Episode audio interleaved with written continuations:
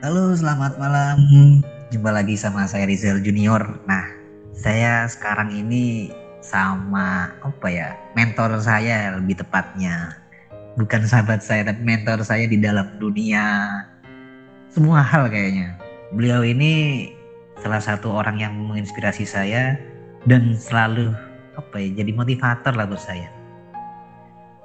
Beliau ini uh, tinggalnya di daerah Surabaya. Gak usah lama-lama, saya undang beliau untuk gabung bersama kita. Bapak Samadin gitu. Apa kabar, Pak? Alhamdulillah baik-baik. Gimana di sana? Alhamdulillah, ya beginilah. ya, ya, ya.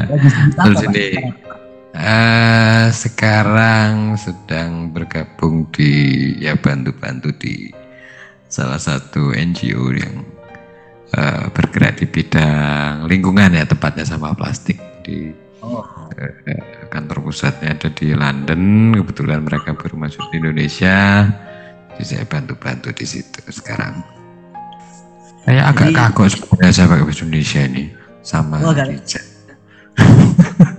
biasa ngecekan ya? Iya. oke. okay tapi nggak apa-apa ini kayak apa ya biar biar lebih mudah dipahami sama teman-teman yang mungkin agak nggak tahu bahasa Jawa kan oh iya iya iya betul betul juga oke okay, oke okay. nah uh, saya ngundang bapak ini untuk diskusi tentang apa ya kayak etika di dalam era dunia digital ini pak mm -hmm.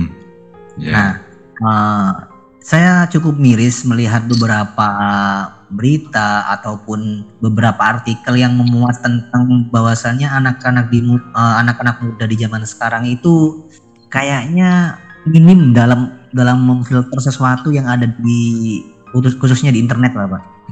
Iya. Nah, ya, penting uh, etika di dalam dunia digital itu pak. Jadi etika ini sebenarnya kan kalau secara letter secara bahasa kata apa namanya bahasa bakunya kan etik ya etik itu lebih kayak aturan tapi uh, lebih mengarah ke sopan santun gitu ya mungkin ya cuma kalau kita kaitannya sama etika berinternet ini berkaitan erat sama literasi dan uh, tingkat apa wawasan yang di era digital ya Menurut ah. saya sih gitu. Saya bukan pakar pendidikan, cuma saya banyak menggunakan uh, sosial media dan internet terutama gitu ya. Teman-teman yang sekarang di lahir procot ini sudah ketemu internet, ah. mungkin sudah tidak lagi uh, merasa aneh, tidak lagi merasa uh, perlu banyak belajar. Tapi kalau saya saya ini kan generasi uh, apa? MTV ya baby boomers. Iya. Generasi baby boomers. Itu kita uh, berada di peralihan. Jadi waktu hidup saya itu uh, pernah mengalami uh, masa analog dan sekarang masa digital. Jadi okay. saat masuk ke era digital juga kan mulai awal pelan-pelan. Jadinya kita sempat belajar dan sempat uh, memahami bisa memahami lebih bisa memahami karakteristik uh, tips and triknya. Nah, kalau teman-teman yang lahir lahir di masa digital langsung di masa digital generasi Y ini ini uh, sudah tidak perlu lagi tidak merasa tidak perlu lagi belajar tentang hmm. internet ya kan? Nah, padahal di situ banyak hal-hal yang perlu apa ya karena digital ya jadi banyak celah dan banyak banyak hal yang bisa diatur. Nah kalau tidak banyak baca literasi, literasi itu tadi ya makanya saya bilang tidak banyak baca tidak banyak belajar akhirnya merasa tahu dan akhirnya itu tadi tidak menuk tidak kurang bisa memahami etika dalam berselancar. Ya oh, internet. iya.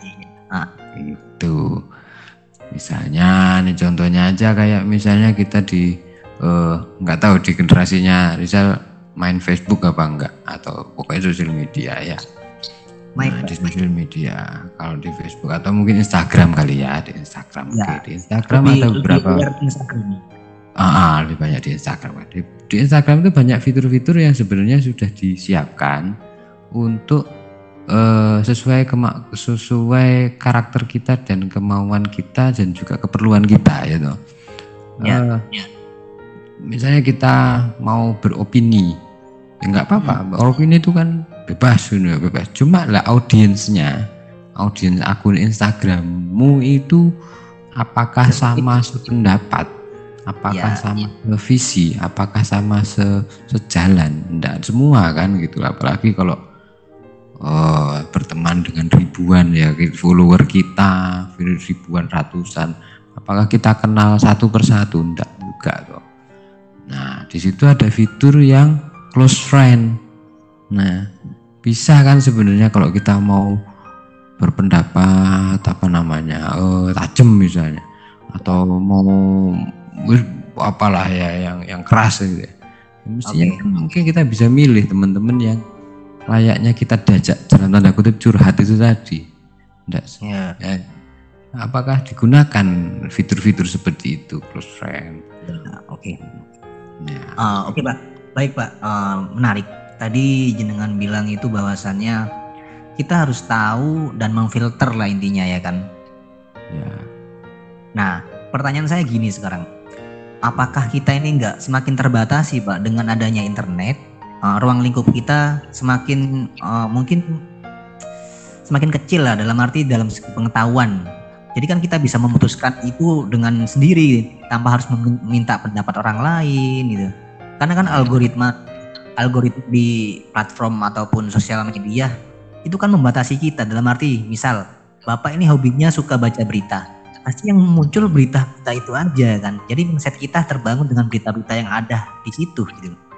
Ya akhirnya mau tidak mau sengaja maupun tidak kita terbawa agenda setting yang Betul. sudah dibaca oleh algoritma itu tadi betul Betul.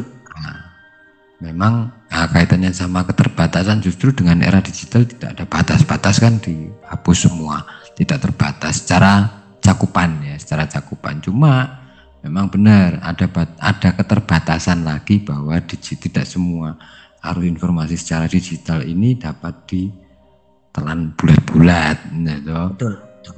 Nah, experiencing ini kan perlu pengalaman. Kita mengalami sebuah pengetahuan sebuah ilmu ini kan perlu. Misalnya eh, apa namanya mau bikin radio misalnya bikin TV misalnya. Di, di YouTube ada cara bikin TV mungkin cara service TV pasti ada. Di YouTube di manalah ada semua. Nah kalau kita tidak eh, belajar secara langsung sama orang yang memang ahli atau tukang servis lah kita belajar ke tukang servis lah itu tukang servis TV misalnya. Itu kan kita akan tetap akan mengalami trial and error. Ya, sedangkan Betul. kalau kita langsung belajar di tukang servis itu tadi kita kan sudah bisa diket- bisa mengalami sendiri. Oh Iya. ini diajari gini dituntun secara baik-baik dituntun. Nah sebenarnya secara digital juga bisa. Mungkin ada. Eh, bukan di- direct ya bukan bukan yang maksudnya eh, lihat di YouTube itu kan eh, komunikasi satu arah. Nah yang diperlukan adalah komunikasi dua arah. Itu untuk Ya. mencari sebuah ilmu gitu loh. Kita bisa tanya bisa jawab secara langsung secara live. Gitu ya bisa aja sih tukang servisnya misalnya terus bikin link zoom gitu webinar terus kita sama-sama praktek itu sama aja sebenarnya apalagi di eh, di masa pandemi kayak gini kan mungkin ya ada yang masih keterbatasan untuk tatap muka ya Ya. Sebenarnya sama aja secara digital apa secara zoom itu tadi atau Google eh, apa namanya Google Call itu tadi Google Meet gitu Oke. Hmm. Pak. Nah, saya sempat baca salah satu artikel nih, Pak. Nah, di sana itu ten- memuat tentang eh, negatif dalam bersosial media. Yang pertama itu memungkinkan kita itu jadi orang yang individu- individualis. Yang kedua, kita semakin aktif sama lingkungan sekitar. Ada tiga, Mbak. Yang ketiga, banyak terjadi sebuah cyberbullying. Nah, ini hal-hal yang mungkin kalau seandainya kita kaitkan sama generasi sekarang, mungkin mental-mental mereka kan belum benar-benar terbangun gitu loh, Pak. betul betul ya ini seperti yang barusan beberapa kali saya baca ini aja dari baru mengenai uh, ting, uh, apa tadi? Ya kaitannya sama perubahan analog dan digital kepada digital. Jadi pada saat uh, internet masuk masyarakat kita aja masih belum siap sebenarnya gitu. Secara kita masih di negara berkembang pada saat itu di dunia nah. dunia ketiga. Lah ini paparan itu kan terus aja nggak bisa dibendung. Nah di saat itulah eh, teman-teman itu butuh belajar itu tadi literasi itu baca, baca nggak apa-apa lewat internet juga nggak apa-apa sebenarnya, tapi mem memperhatikan, memperhatikan mana sih sumber-sumber yang benar. Jadi sosial media itu ada dampak positif dan negatifnya ya pak? Pastinya, tapi itu kembali lagi apakah teman-teman ini bersedia untuk uh, belajar lebih jauh tentang fitur, tentang sumber informasi, okay. mana yang valid, mana yang Oke. Okay. Padahal uh, kalau kita positif sosial media itu juga bisa jadi alat uh, media komunikasi kita sama orang lain, pertukaran data ataupun promosi dalam bisnis kan, Mbak?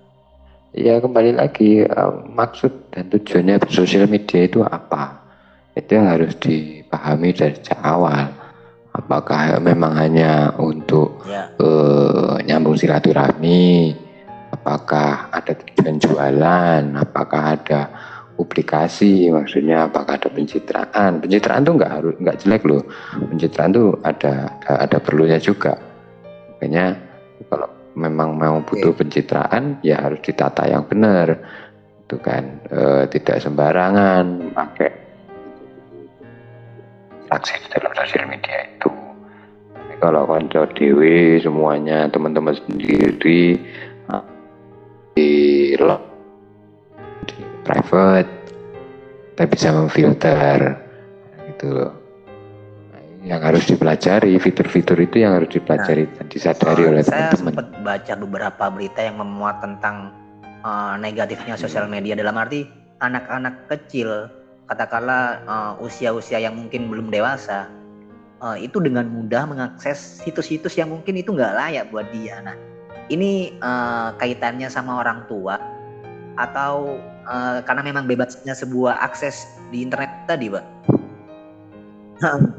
Ya, ya itu tadi punya smartphone tapi orangnya nggak smart kan itu nah sebenarnya kan fitur itu sudah ada untuk ya. uh, ya. parents apa kids apalah istilah parents guide ya atau pokoknya fitur fitur-fitur yang untuk menjaga teman-teman adik-adik itu lebih uh, terbatas gitu aksesnya bisa juga di uh, clone atau apa ya akunnya pakai akunnya orang tuanya sehingga bisa diawasi apa aja yang bisa diakses. Ini kan butuh smart nah, jenenge internet itu banyak kok sebenarnya yang bisa dilakukan. Makanya heran juga kalau masih banyak yang uh, merasa terganggu atau merasa ter, ter tidak ada batasan itu ya kan. Oh, bisa dibatasi sendiri kok.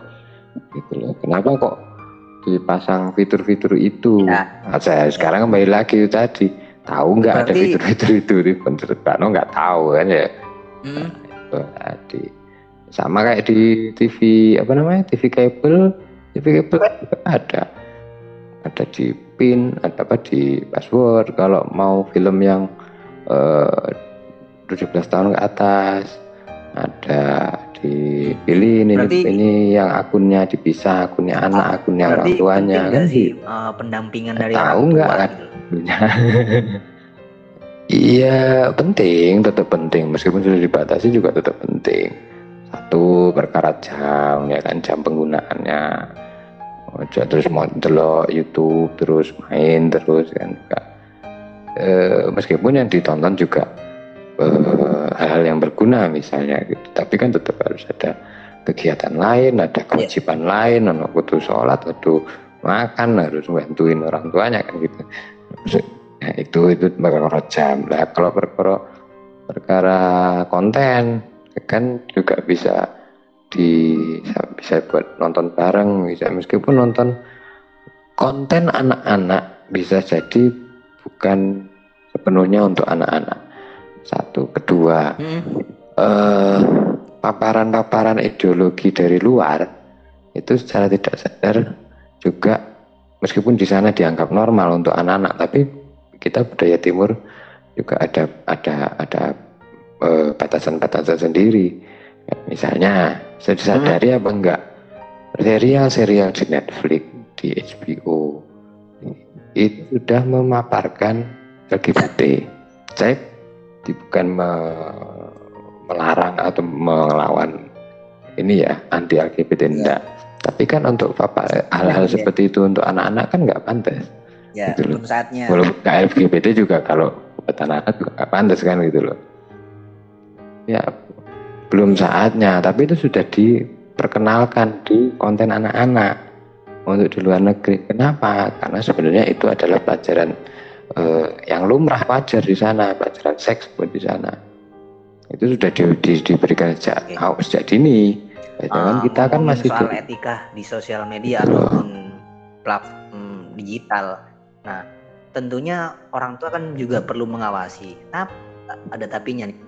Kalau seandainya orang tuanya ini sibuk sama pekerjaannya nah ini gimana cara memonitor anak-anaknya nih Ya itu tadi gunakan fitur-fitur yang ada kan itu ada limit, ada pembatasannya, fitur-fitur bikin akun kan bikinkan akun sendiri misalnya.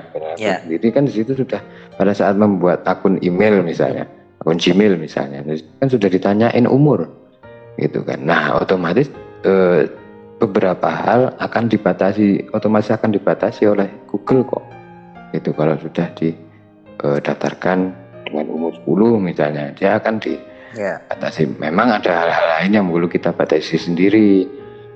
Nah yang harus dibatasi nah, itu banyak kok. Nah itu harus dipelajari. Itu tadi harus dipelajari sama penggunanya bukan terus semua di uh, batasi semuanya. Enggak. Kita kan juga okay. perlu hal-hal yang ah, lain oh, iya. gitu loh.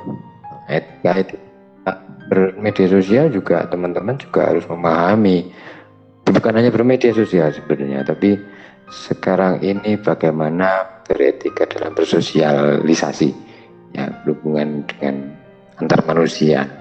Jadi sebenarnya teman-teman juga mungkin karena keseringan berinteraksi di media sosial tidak bertatap muka sehingga kurang bisa merasakan apa itu namanya etika.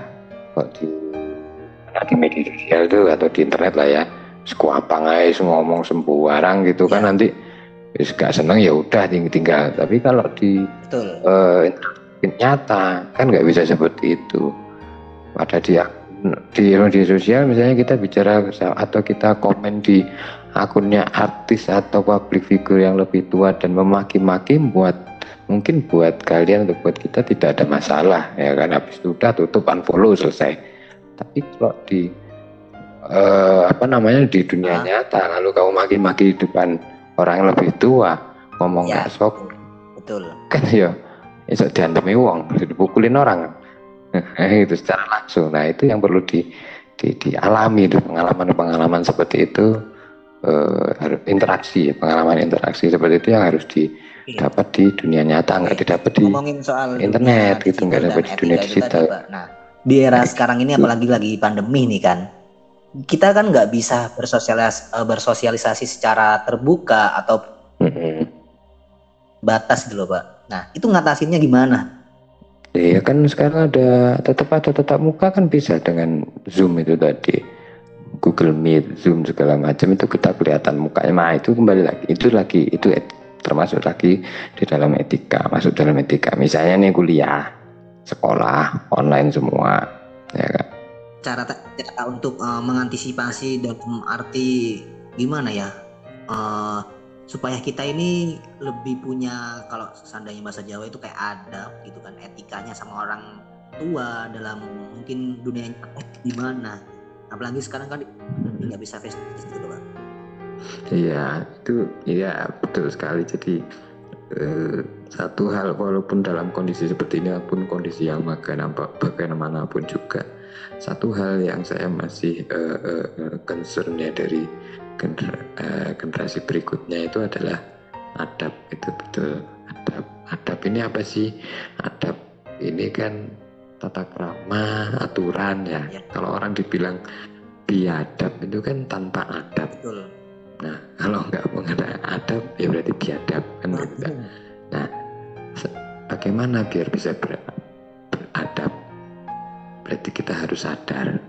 Sadar apa? Saya sadar diri sadar memperhatikan uh, bully gitu. Itu walaupun kondisi luring maupun daring uh, harus tetap ada adab itu harus ada tingkat kesadaran kita muncul gitu sadar apa? Sadar diri sadar lingkungan. Sadar bahwa ada orang lain yang memerlukan misalnya. Sadar ada orang lain yang ngantri. Sadar ada orang lain yang bisa sakit hati. Ya. sadar ada orang lain yang lain-lain lah kayak gitu ya. Jadi, seperti itu ya. Teman-teman juga kalau misalnya itu tadi uh, etika tadi kembali ke etika tadi sadar misalnya waktu kelas online sadar itu ada guru yang perlu dihormati gitu kan. Kita ya tetap berlaku seperti saat di kelas tetap pakai seragam misalnya yang ya. sekolah. Walaupun mungkin tidak diwajibkan tapi tetap mandi dulu bersiap diri kamera yang dibuka kemudian bila memungkinkan posisi yang bagus. Itu kan adab adab dalam mencari ilmu. Makanya kalau di dalam uh, kepercayaan kita uh, ada yang menyebutkan bahwa adab itu di atas ilmu kalau kamu nggak punya adab kamu nggak bakal bisa dapat ilmu apa-apa. Jadi adab dulu yang ditonjol didahulukan. Ngomongin ngomongin. Ngomongin. Nggak bisa dapat ilmu. Uh, ngomongin adab. Saya hmm. pernah baca kutub juga sih bahwasannya orang yang punya adab sudah pasti berilmu. Orang yang orang yang nggak punya adab sudah pasti tidak berilmu. Benar nggak dengan eh, kata-kata uh, kayak gitu pak? Uh, kalau yang pertama ya kalau orang pasti beradab itu pasti berilmu tapi orang berilmu belum tentu punya adab bukan tidak beradab ya. belum tentu punya adab ya. gitu itu kaitannya sama apa efeknya kemudian apa ilmunya bisa disalahgunakan Betul. gitu ya. kan nah. oke pak ya, uh, jadi gini ya. uh, saya juga mau jelasin bahwasannya kalau seandainya teman-teman mungkin kebanyakan pendengar saya ini kayak mahasiswa ataupun kalangan profesional yang sudah bekerja gitu kan pak Hmm. Oh ya, buat teman-teman yang pengen kursus bahasa, sekarang eh, nggak uh, usah bingung lagi. Jadi Widya Mandala Language Institute itu punya uh, kayak semacam yayasan di bawah naungannya Widya Mandala. Nah, dia itu punya kursus untuk kalangan anak-anak baik dari TK sampai profesional. Di mana Widya Mandala ini dipercaya sejak tahun 1998 ya jadi mungkin buat teman-teman yang nantinya pengen belajar bahasa asing, Korea, ya mungkin kan sekarang lagi zamannya kayak drakor gitu kan, butuh pengetahuan uh, tentang bahasa-bahasa Korea itu bisa. Dan juga uh, ada juga yang bisa kelas kayak tes TOEFL kayak gitu itu juga ada di sini. Jadi buat teman-teman yang pengen uh, daftar dan gabung sama Widya Mandala Language Institute itu bisa nanti hubungi saya atau nanti uh, saya kasih nomor kontaknya. Jadi kayak gitu, Pak. Ya, ya itu penting itu bahasa. Apalagi di dunia digital kan lintas negara, ya. penting buat komunikasi, Pak. Kemampuan bahasa ya. itu. Saya kalau ngomongin bahasa nih, Pak, salah satu uh, mungkin selebgram ya. Itu Vicky Naki. Jadi dia itu kayak uh, otodidak belajar bahasa dari dunia digital. Jadi secara nggak langsung kan itu impact positif gitu loh.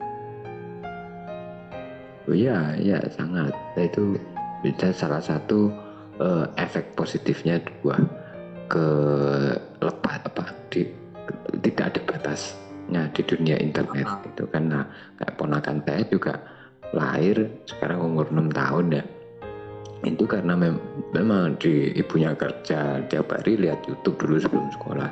Nah, YouTube YouTube-nya bahasa Inggris. Nah YouTube-nya itu sudah di parents guide sama yeah. ibunya. Sehingga no, udah tontonannya meskipun bahasa Inggris tapi tontonannya memang yang konten anak-anak. Sudah dipilihkan di playlist kan ibunya. Nah pada saat sekolah dia malah nggak bisa bahasa Indonesia. Bisa nggak bisa Inggris Nah, sekarang saat ya alhamdulillah di umur lima tahun enam tahun sudah mulai belajar bahasa Inggris. Sudah lancar lah bahasa Indonesia. Ya. nggak ada yang ngajari bahasa Inggris. Nah, bisa bahasa Cina bisa bahasa Inggris. Ini salah satu positifnya. Asal tadi tahu caranya. Emang juga. Yang penting yang bahaya itu kan eh, bukan bahaya yang kalau sebuah pistol itu kan ya bahaya bukan pistolnya tapi yang megang kita tinggal ngarahin nih ini mau ngarahin nembak yang benar apa yang salah kan gitu. Iya. Nah kalau seandainya ngomong uh, kita bisa memfilter berarti peran orang tua juga sangat dibutuhkan di sini pak. Dalam arti menuntun anak-anaknya ini supaya bisa memfilter hal-hal yang mungkin ini nggak baik nih buat kan ini Iya. baik kan gitu pak.